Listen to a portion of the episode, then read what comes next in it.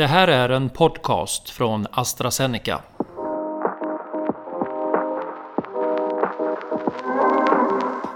Du har bott i, Spanien Ebba i, 20 år, i Madrid har jag hört. Ja, det stämmer. Ja, hur var det? Det dök upp någon fråga här innan eh, varför spanjorer och många människor eh, som bor nära Medelhavet äter så sent.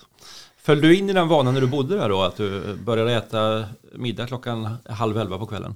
Alltså, halv elva är väldigt sällan. Det är lite grann av en skröna. Det är framförallt på helgerna eller på sommaren.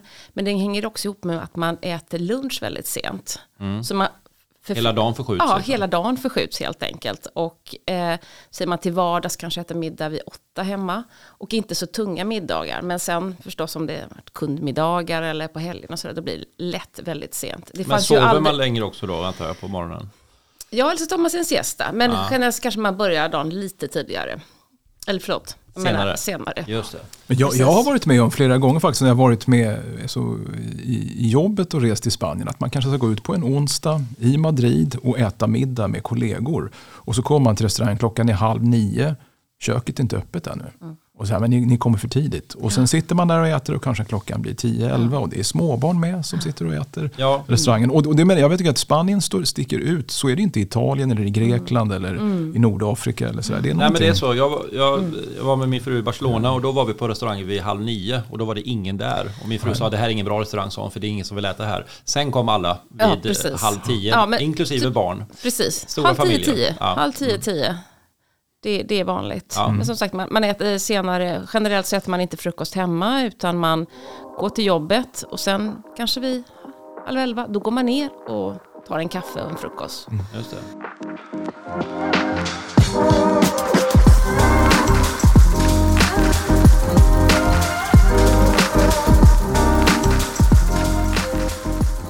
Då säger jag varmt välkommen till eh, första avsnittet av AstraZenecas podd Snacka om livet.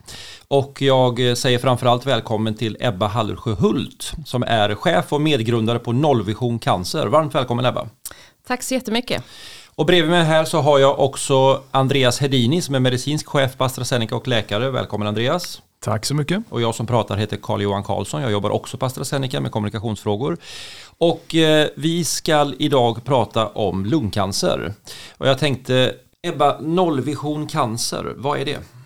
Nollvision cancer är en ny innovationssatsning. Det är ett samarbete eh, för att eliminera cancer som dödsorsak och möjliggöra att fler kan leva längre och bättre. Vilka är med i det här samarbetet?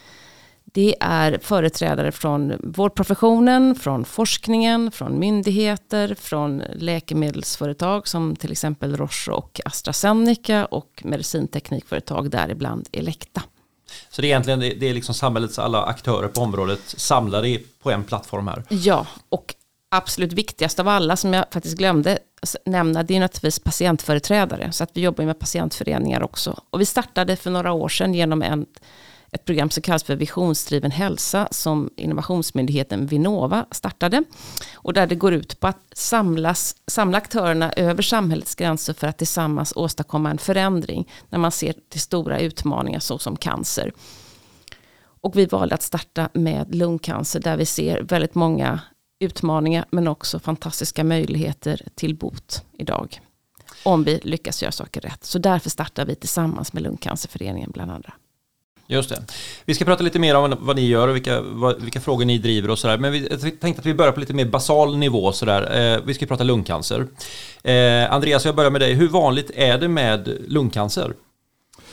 Ja, alltså lungcancer är inte den vanligaste cancern utan i Sverige så är det ungefär 4 000 personer varje år som, som drabbas av lungcancer. Men det är inte den vanligaste, men brukar man inte säga att det är inte den vanligaste men det är den dödligaste? Ja, det stämmer.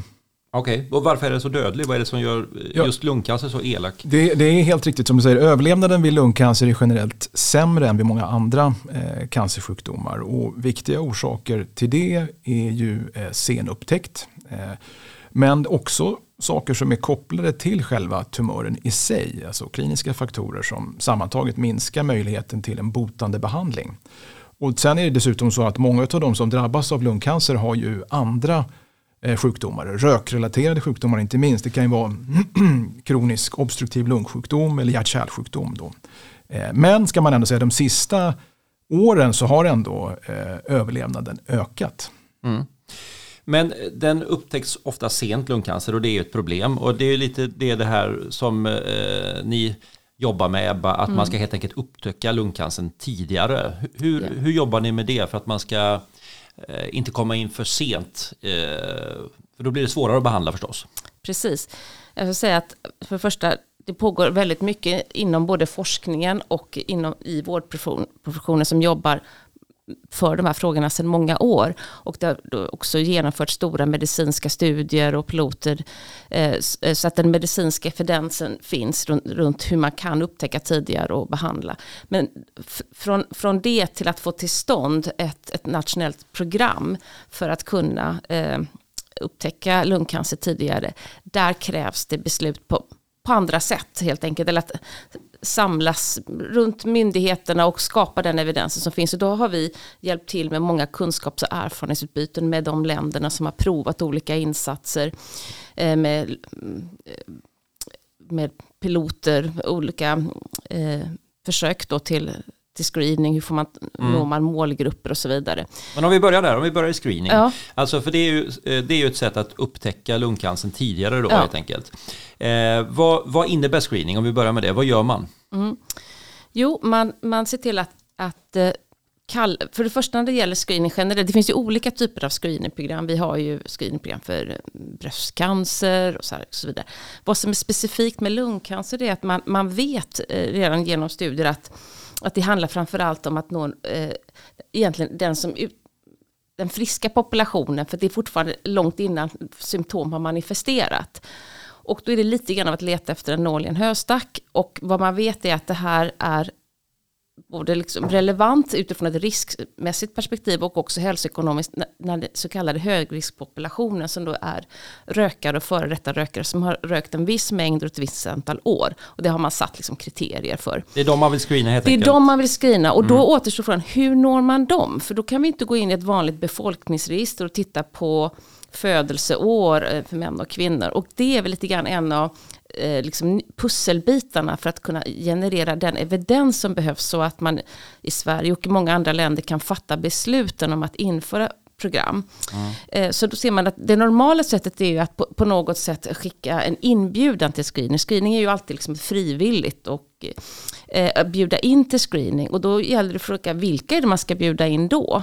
Då måste man ju i det här fallet också veta rökvanor. Och sen finns det då frågan, men om man nu vill man genomgå screening och så vidare. Så det är ganska mm. många delar i det. Men det finns ju liksom eh, allmänna procedurer, förfarande. I princip att man får en kallelse. Mm. Tanken är då att man kan eh, svara på en enkät så att man då i det här fallet kan kartlägga rökvanor för den nuvarande rökare eller tidigare rökare. Så det är både rökare och ex-rökare ja, som man precis. kallar det? Okay. Och, ja, och då inom ett visst, kanske du ska ha rökt ett visst antal år och en viss mängd också då för att vara inom riskgruppen så att säga. Och ett visst åldersintervall, det normala är väl mellan tror jag 50 till 74 år som man tittar på den gruppen.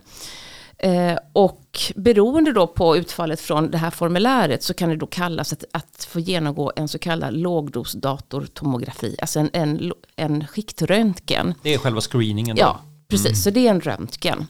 Eh, och, eh, och sen så ska den då naturligtvis eh, Eh, ses över av radiologer och beroende på vad man hittar så, och om man hittar någonting, de flesta har ju ingenting men man kan ha intervaller ett par gånger vart tionde år som man, man genomför de här undersökningarna så eh, skickas man vidare till remiss för vidare diagnostisk utredning och behandling om det skulle behövas. Just det. Andreas, jag får bara flika in där, vad, när man gör en sån här screening då, man röntgar helt enkelt eh, lungorna, vad är det man letar efter?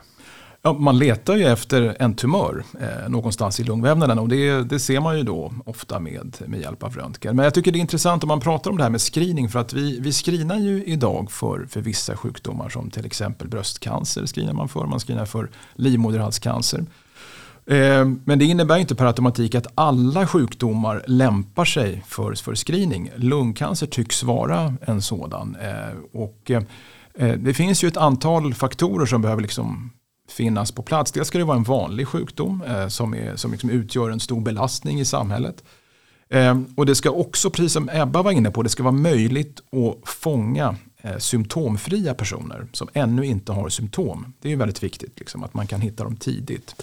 Sen måste testet vara bra. Att man korrekt kan klassificera de som har sjukdomen och på samma sätt korrekt frikänna de som är friska. Eh, sen måste det finnas en, en, effektiv behandling. Man måste kunna erbjuda någonting om man väl har hittat eh, en, en, en, sjukdom. Då. Och den här tidiga upptäckten och behandlingen ska ju också innebära att man har en bättre prognos. Eh, och, och, slutligen så ska man säga att det här ska ju vara någonting som är accepterat som folk kan tänka sig att göra som inte är liksom för krångligt och mm. omständligt. Eh, sådär, va? Men är det krångligt? Effektivt. Nej det här är inte det. Utan Nej. jag tror, i lungcancer är det precis som Ebba är inne på att det svåra är hur, hur hittar man de här personerna som antingen är rökare eller har rökt på ett, på ett bra sätt? Mm. Just det. Och om man då hittar dem, om man, om man samlar då en, eh, ett antal personer från de här riskgrupperna. Eh, det ni lite vill eh, ha i samhället är väl någon typ av systematiserad bredare screening, alltså något mm. nationellt program helt enkelt för screening.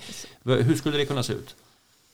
Nej, men det skulle eh, se ut som att, att ungefär så som vi har infört, eh, det blir först en, en utredning från Socialstyrelsen och ett nationellt screeningråd som fattar beslut och ger ju en rekommendation. Sen är det ju upp till regionerna att införa ett screeningprogram. Och ett screening, det tar lång tid att införa. Eh, mammografiscreening tog väl en 7-8 år på sin tid. Eh, och tittar vi nu på den screeningprogram som pågår nu i införandet med kolorektal screening så Vad är det? Det är eh, tarmcancerscreening. Mm. Eh, och det har ju bara införts hittills tror jag ett par regioner och rekommendationen kom om det var 2014. Så det är ganska stor apparatur att få till. Det krävs finansiering, det är infrastruktur, det är teknik, det är resurser, mycket utbildning. Det tar tid helt Det tar tid. Och Eh, Eh, så att många länder är nu i startgroparna när det gäller just eh, screening för lungcancer. Det finns stora studier som visar på den medicinska nyttan. Eh, nu pågår olika piloter av olika slag i olika länder. I Sverige börjar vi nu en första pilot, det har Region Stockholm-Gotland tagit initiativ till. Och de kommer starta nu i höst. Och ja, och det, deras studie kommer naturligtvis bidra till de här pusselbitarna som saknas. Så förhoppningen är att en studie i Stockholm, liksom andra regionala piloter som är under planering nu i att, att antal regioner med universitetssjukvård kan leda till den evidensen som Socialstyrelsen anser sig behöva för att kunna fatta beslut om att tillsätta en utredning. Och det är för att kunna svara på vissa frågor, att man verkligen har provat hur man når populationer och att man ser att, att riskpopulationen faktiskt vill komma till screening. Nu finns det eh, evidens framtagen också från oss när det gäller just attityder till lungcancerscreening. För det är ju också en fråga, vill man? Mm. Eh, och, Hur ser det ut där då? Är, är rökarna villiga att gå och screena sig? Ja, det är de. Eh, vi har genomfört eh, studier, vi Nollvision Cancer lät eh, Kantar Sifo genomföra en, en undersökning, en Eh, attityder till, till lungcancerscreening och där vi tog fram ett frågebatteri tillsammans med Socialstyrelsen och lungcancerprofessionen så att vi skulle säkerställa att det var välformulerat. Och i princip 9 av 10 är positiva till att genomgå en screening och också få stöd till att sluta röka om man fortfarande röker. För det är också väldigt viktigt att komma ihåg att ungefär ursäkta mig, 90% beror ju ändå på rökning. Att, att man för att göra ett screeningprogram effektivt också se till att erbjuda eh, rökavvänjningsstöd. Och det ska naturligtvis ske oavsett ett screeningprogram, men särskilt att den kombinationen blir väldigt, väldigt effektiv. Om vi backar bandet lite bara. Mm. Eh, alltså för att det införs nu då pilotförsök i vissa regioner, Stockholm, Gotland sa du. Ja. Eh, och andra regioner liksom lite uppstart på gång kanske. Men, I planering i alla fall. I planering i alla fall, ja. Men, men om jag vänder mig till dig Andreas, alltså, svenska sjukvården är ju eh, hårt belastad. Eh, vad heter det? Finns det resurser och finns det eh, kompetens och kunskap till att dra igång det här? Eh, att det finns kompetens och kunskap, ja eh, det gör det. Men du har helt rätt i att, att eh, sjukvården är under, utsatt för stor press. Och, eh, inte minst efter pandemin kanske? Inte minst, och pandemin har ju också eh, belyst existerande svagheter i hälso och sjukvårdssystemet som inte är liksom kopplade primärt till, till covid utan till andra sjukdomar. Just stora kroniska sjukdomar eh, som, som folksjukdomar helt enkelt. Just, där, vi, där vi nu har byggt upp en stor vårdskuld. Och eh, ofta så misstanken om att någon bör screenas, så, det är ju någonting som växer i primärvård. Mm. Eh, så att där behövs det mer resurser. Mm. Men det införs nu då eh, på prov, man är i planeringsstadiet i flera regioner. Eh, det verkar som det finns liksom något slags konsensus i samhället om att det här är en bra idé. Mm. Att det här kommer leda till bra, till bra resultat. Ehm, eh, om man vill titta lite på hur det kan gå, finns det andra länder Ebba att titta på där man har gjort detta redan, där man ser att eh, det här gav ju väldigt bra resultat?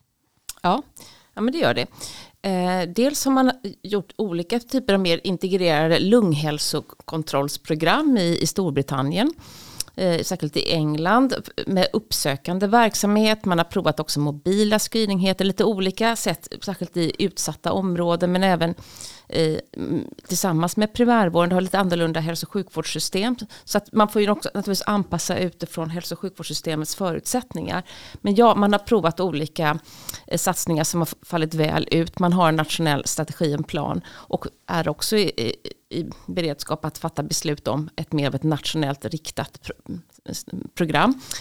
Kroatien har infört eh, till exempel. Så att det är olika länder, och men det pågår framförallt piloter i olika länder just mm. nu. Och eh, vi själva från Nollvision Cancer tillsammans med lungcancerprofessionen är med nu i, i en ansökan inom ett EU-program som är kopplat till Europeiska cancerplanen där man vill erbjuda medlemsländer möjligheten att genomföra piloter. Och det finns en större pilot som genomfördes i, i Holland och Belgien som kallas för Nelson-studien som har gett den medicinska evidensen och också mycket strategier och de har utvecklat beslutsstöd, kallelsesystem. Det är rätt mycket hela infrastrukturen, logistiken runt ett sånt här program. Och vad säger den medicinska evidensen då? Hur många, alltså finns det några siffror eller beräkningar på hur många hur många liv det här skulle kunna rädda helt enkelt? Ja, men det finns det. Och vi har eh, tagit fram eh, underlag just när det gäller de svenska förhållandena. Eh, Nollvision Cancer, vi gav i uppdrag till Institutet för hälsoekonomi vid Lunds universitet att titta då på sjukdomsbördan för lungcancer i Sverige, i riket och se också vad skulle liksom den här typen av värdet då av tidig upptäckt kunna innebära. Och utifrån protokoll som lungcancerprofessionen, planeringsgruppen för lungcancer har tagit fram för, för att anpassa till svenska förhållanden utifrån den här så kallade Nelson-studien då skulle vi kunna åtminstone undvika minst 143 dödsfall per år. Jag tror, jag tror de här, just Nelson-studien visade ju en, en minskad dödlighet med, med mer än 20 procent ja. i Belgien och Nederländerna. Ja. Just det. Det är ganska, det är, varje liv är ju så att säga ovärderligt men 143 liv per år det är, det är väldigt många liv. Ja, vi får tänka idag är det ju cirka 4300 som insjuknar till följd av lungcancer och 3600 som dör till följd av lungcancer. Mm. Där har vi inte kommit långt när det gäller den totala överlevnaden. Så det finns mycket vinster att göra genom ett riktat screenprogram, men också andra former för, för förebyggande insatser. Naturligtvis som vi sa, det här med att, att inte röka, men lungcancer beror ju inte bara på rökning, så det gäller ju också att man kompletterar med andra insatser för att upptäcka symptom och sjukdomen tidigare eller att ta symptomen på allvar hos sig själv om man skulle drabbas men även då att man upptäcker det i primärvården. Så även där jobbar vi med att stödja forskningsinsatser som pågår just men för det, att kunna hitta där. Det kostar ju pengar att screena förstås. Det här är ju eh, en insats som förstås kräver resurser men samtidigt så borde det spara väldigt mycket pengar om man kan undvika eh, att vårda svårt sjuka människor. För jag menar cancervård är ju inte gratis. Eh, finns det några beräkningar på så att säga nettot här? Ja, eh, Institutet för hälsoekonomi har gjort de beräkningarna i den här rapporten. Och eh, beräkningarna visar på att det är ekonomiskt försvarbart till en ganska billig penning. Vi har, det handlar både om att vi kan göra eh, besparingar på samhällsnivå, även då i produktionsbortfall, men också naturligtvis minskad, minskat lidande så att, eh, och en möjlighet till livskvalitet. Plus att kan man upptäcka sjukdomen i ett tidigt stadium, då finns det chans till bot. Det, det finns en chans att leva kroniskt med sjukdomen mm. i sådana fall. Och mycket kan göras för att förebygga den helt. Det finns ju lite etiska aspekter här också. Alltså, eh, det här är ju som vi pratar om då eh, till stor del rökare och ex-rökare. Eh, och då kanske vissa skulle säga att ja, men de får ju skylla sig själva om de, har, om de har rökt. De har ju dragit på sig den här sjukdomen på egen hand. Vad säger du om det Andreas? Hur, hur, hur, bemöter man det? Men det tycker jag är ett väldigt inhumant eh, resonemang. För det, kan, det gäller ju många sjukdomar naturligtvis. Så skulle man kunna säga till de som drabbas av, av eh, hjärt-kärlsjukdomar att de har också misskött sig. Eller folk som är överviktiga. Eller eh, ja, någon, någon, som cyklar utan hjälm. Eller och så ska de då inte erbjudas vård. Det blir ju ohållbart. Mm. Ja, precis. Vad säger du Ebba? Jag håller med. Ja. Eh, men är, men är det inte, oavsett vad man tycker om, den, om det förhållningssättet så att säga, är det ett problem i den här eh, debatten och eh, så att säga, i kampen för att, eh, eh, för att behandla lungcancer och driva den här frågan framåt? Är det här sociala stigmat som ändå finns då, är det ett problem? Det är ju inte ett problem för vårdprofessionen. Nej. De diskriminerar ju Men inte. du som jobbar med, för men du jobbar ju med, också Ja. med liksom opinionsbildning kring det och Ja. du för fram frågan och visar Ja. på vikten. Möts du ibland av det argumentet eller liksom, är, är, är, det, en, är det en faktor?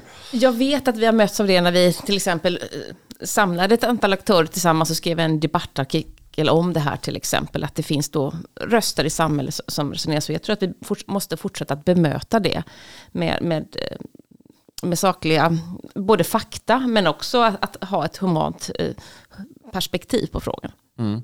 Och det är ju inte bara rökare vi pratar om utan det är Nej. också som, som vi säger då, alltså ex-rökare, folk som har tagit beslutet att lägga av och röka men, men får lungcancer ändå. Ja. Och finns det också en tredje grupp, eh, Andreas passiva rökare som ju inte alls har valt att röka men som kanske ändå blir sjuka. Ja, så, så är det ju. Framförallt om man utsätts för passiv rökning under lång tid. Eh, för det, det tycker jag tidsaspekten är viktig. Så att säga. Växer man upp i- till exempel i ett hem där föräldrarna röker och röker alltså, tillsammans för, framför barnen så att man får i sig det här under lång tid. Eh, då, då är risken nästan lika hög som om man, om man är rökare själv. Men däremot, och det tycker jag är viktigt att framhålla också, att om man, om man råkar vistas en kort period med någon som röker så är ju risken väldigt, väldigt mycket lägre. Mm. Och är det med, jag menar man utsätts ju för eh, cigarettrök är ju en typ av luftförorening så att säga. Men det finns ju andra luftföroreningar som vi Många av oss i alla fall utsätts för liksom väldigt mycket, framförallt om man bor i en större stad. Eh, är, det också en, är det också en riskfaktor Andreas för att få lungcancer? Ja, det, det är det. För, förutom rökning så är absolut luftföroreningar eh, en riskfaktor. Det ser man ju till exempel i, i stora städer som har väldigt höga halter av, av eh, luftföroreningar.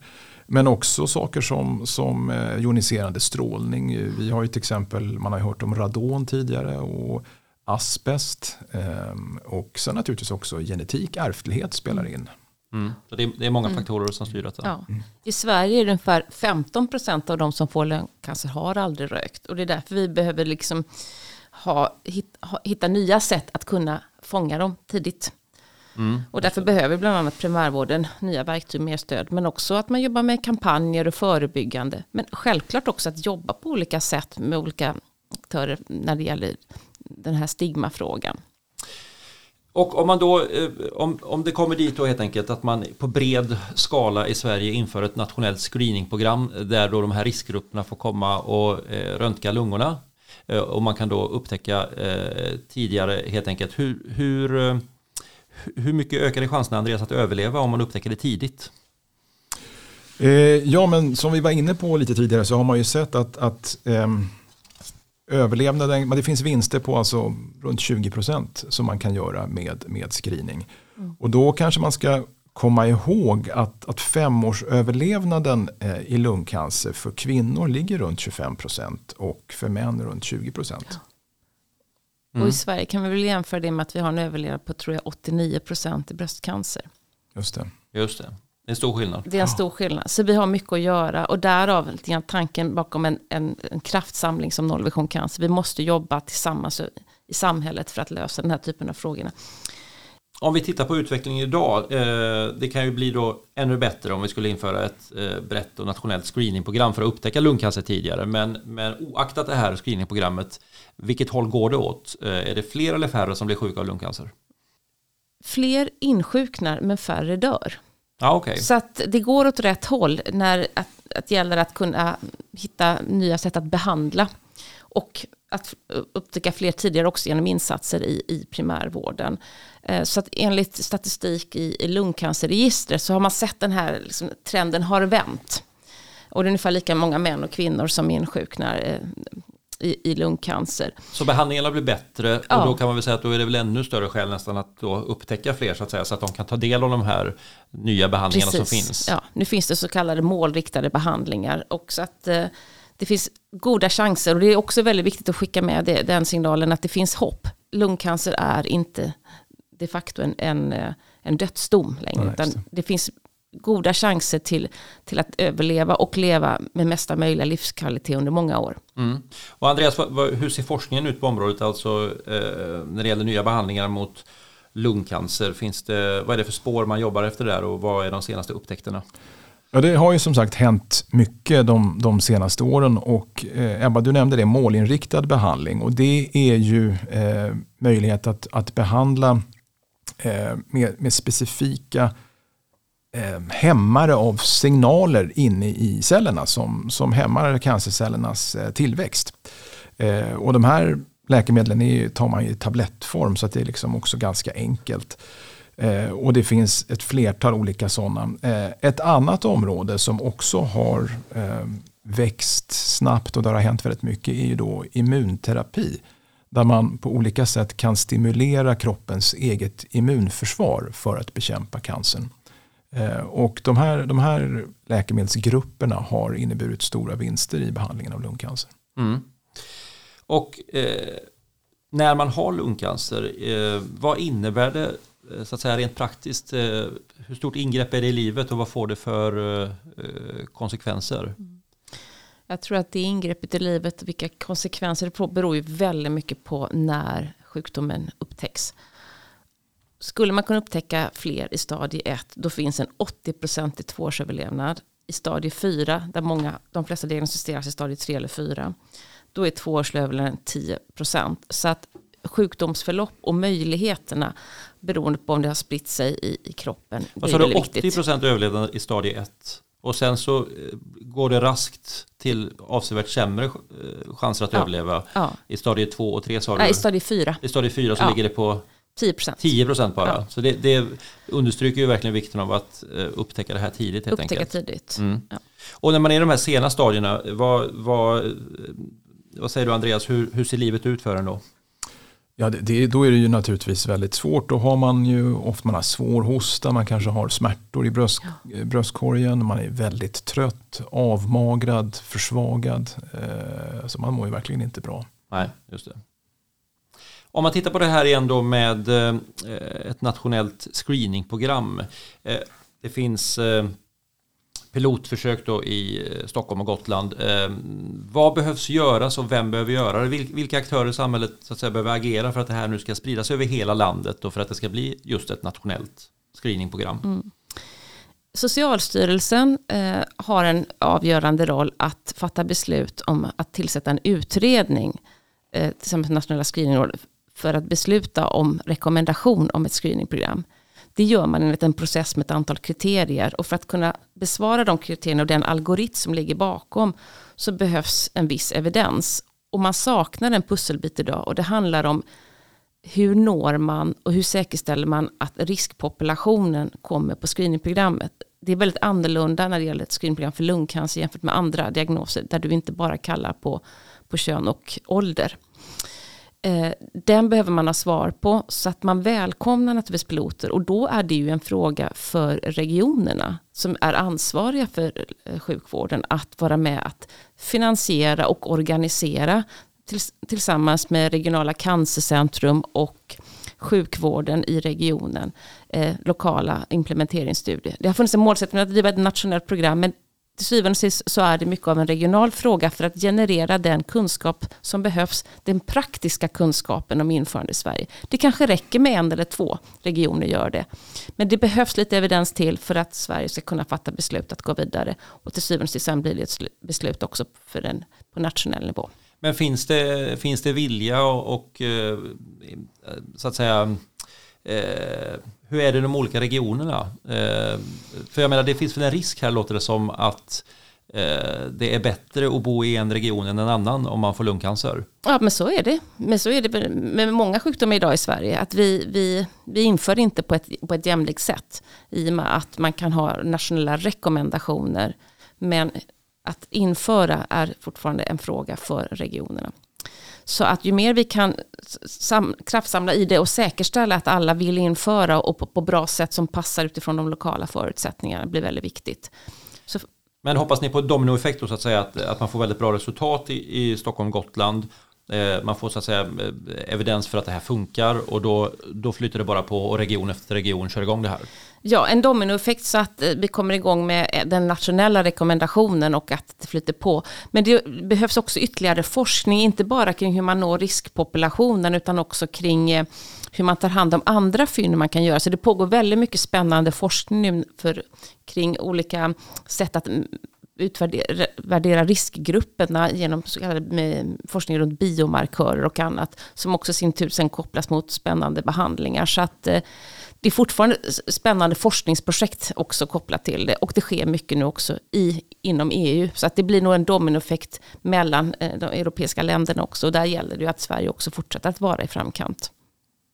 Andreas, om vi fortsätter prata lite rökning och sådär. Eh, vi pratar ju mycket om att det är rökare och ex-rökare som är eh, bland riskgrupperna om man har slutat, jag tror det är många tidigare rökare som tänker hur mycket skada gjorde jag egentligen? Många kanske rökte mellan gymnasiet och fram tills de fick barn eller liknande. Kanske har rökt 10, 15, kanske till och med 20 år i lite yngre ålder. Mm. Fram till upp man är 35-40. Alltså eh, vad, vad, vad, säger man, vad svarar man på en sån fråga? Är det, är det, är skadan, hur mycket är skadan skedd redan så att säga? Mm, ja, men rökning är ju den, den enskilt viktigaste påverkbara orsaken till, till cancer. Inte bara lungcancer utan flera cancrar. Och att inte röka är därför det bästa sättet att minska sin risk. Men, och det här är, det är viktigt alltså, att det är aldrig för sent att sluta röka. Man kan alltid få hälsovinster. Även om man har rökt från att man är 15 tills man är 75 och slutar då så ser man en minskning allt eftersom tiden går. Så det tycker jag det är jätteviktigt att ta med sig. Att, att även om man har rökt i 10, 15, 20, 30 år så är det alltid bra att sluta och det finns hälsovinster med att sluta. Och för varje år som går efter att man har slutat så minskar risken. Ja okej, okay, så att eh, det är inte bara så att man slutar att göra skada utan eh, lungorna och kroppen reparerar sig helt enkelt ja. ju längre tiden går efter att man har slutat. Det är riktigt. Ja, okay. Eh, och många har ju slutat röka och börjat vejpa istället. Jag vet inte hur trendigt det är just nu, men för några år sedan så var det ju väldigt inne. Och man såg många folk på stan som gick med och, och vejpade helt enkelt. Och många kanske hade skälet att de kände att det var farligt att röka, de ville ta cancer, så då vejpar de istället. Mm. Eh, men hur är det med det där? Är det, är det också en riskfaktor för att få lungcancer? Alltså, man, man, vet inte hur, hur eh, farligt det är med vaping. Eftersom vanliga cigaretter är så väldigt farliga så är det ju sannolikt så att det är bättre att vejpa än att, att röka eh, vanlig tobak. Eh, eh, och en del hävdar ju då att man kan använda e-cigaretter eller vapes då för att, eh, alltså för som, som rökavvänjning. Men det är inte riktigt säkert. Det har inte visat än att det verkligen fungerar. Och sen så tror jag också att även vape innehåller ju eh, nikotin, eh, ibland väldigt höga halter och nikotin har ju också toxiska effekter. Det är till exempel skadligt för gravida och, och sådär. Så, jag tror att man, man kanske inte heller ska, ska se vaping som någonting som är, är helt ofarligt. Eh. Så förmodligen mindre farligt än cigaretter men absolut inte ofarligt? Nej, och det är också beroendeframkallande. Mm. Då tycker jag att vi avslutar med en gemensam avslutningsfråga. Ehm, eh, och vi börjar med dig Andreas och får vår gäst Ebba här eh, avsluta sen. Eh, och frågan är om vi nu gör så att vi spolar fram 100 år, vilket ju är väldigt lång tid med tanke på den medicinska utvecklingen och mycket som sker. Dör någon av lungcancer om 100 år? 100 år är ju väldigt lång tid. Men jag skulle tro att om 100 år så har vi markant förbättrade möjligheter att eh, både förebygga, upptäcka och behandla, framförallt behandla lungcancer. Eh, och man har ju, om man tittar bakåt så har man ju sett liknande språng, genombrott. Då. Jag menar, ett exempel är ju testikelcancer eh, där man då började behandla med cisplatinum i, på 80-talet och det dramatiskt förbättrade prognosen. Tidigare var det så att i princip alla dog i den här sjukdomen och så blev det tvärtom, att i princip alla överlevde. Eh, och sen så kan man ju också hoppas att betydligt färre röker om hundra år. Men med det sagt, jag tror att det kommer att vara väldigt positivt. Alltså jag ser positivt på framtiden. Men man ska också hålla i minnet att tittar man globalt så finns det ju stora ojämlikheter i global hälsa. Så det kommer ju sannolikt inte vara så att det här är en, en bild som ser likadan ut över hela världen. Men jag tror att möjligheterna kommer absolut att finnas. Sen fanns det väl en hel del sjukdomar för hundra år sedan som väldigt många dog av. Sjukdomar som i stort sett inte existerar idag. Stämmer. Ebba, vad säger du? Är du också positiv? Eh, om hundra år, dör någon av lungcancer då? Om hundra år så tror jag och hoppas inte att någon dör till följd av lungcancer. Um, jag tror också, precis som Andreas, att det kan bero på var i världen du befinner dig. Om alla beslutar att förbjuda tobak inom de närmsta tio åren, då kan vi absolut se en effekt eftersom ungefär cirka 90% beror på det. Vi kanske också har hunnit upptäcka vaccin. Vi kanske har hittat de generna som orsakar eh, ärftlig lungcancer. Så att jag tror att insjuknar man eh, så kommer det finnas bot.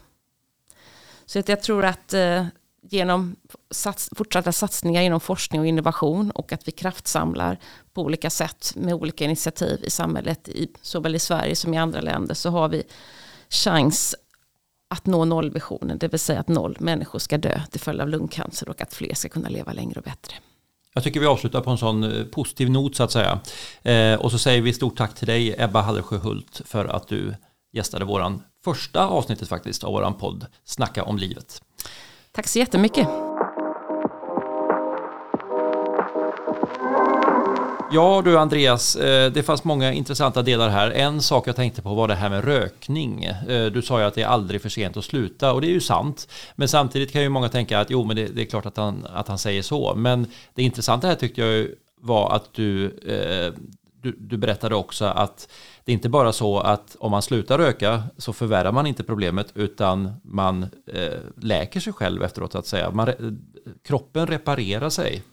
Eh, ja, att, att, att, risken, risken minskar. Men jag tycker att det, det är ett viktigt budskap att, att ta med sig. Att det, det är aldrig för sent att sluta röka. Eh, faktiskt, även om man har rökt väldigt länge. Och jag vet att det är många som kanske tänker så att det är liksom ändå kört för mig. Jag har rökt så länge så det spelar ingen roll vad jag gör. Men så är det inte. Nej, så jag menar, om du slutar när du är 40 eller 45, då har du liksom förhoppningsvis väldigt lång tid kvar att leva. Och all den tiden då eh, är till din fördel så att säga. För då kommer, eh, då kommer kroppen att, eh, att att, att läka sig och det du, har, det du har orsakat när du har rökt, det blir bättre för varje dag som går sen. Just när du inte röker. Just det. Eh, och det kan man ju också skynda på, så att säga, genom att addera bra kost, motion och alla sådana saker, eller hur? Precis, mm. precis. Mm. Ja, men Andreas, det här var ju också vårt allra första avsnitt av eh, AstraZenecas podd Snacka om livet. Eh, vad tycker du? Kändes det bra? Ja, jag tycker det var väldigt givande. Mm. Intressanta och spännande samtal. Absolut, och fler sådana ska det bli. Jajamän. Ja, om en månad kommer nästa avsnitt. Ja, det gör det. Då ses vi då. Stay tuned. Yes, hoppas vi ses er också. Tack så mycket. Tack.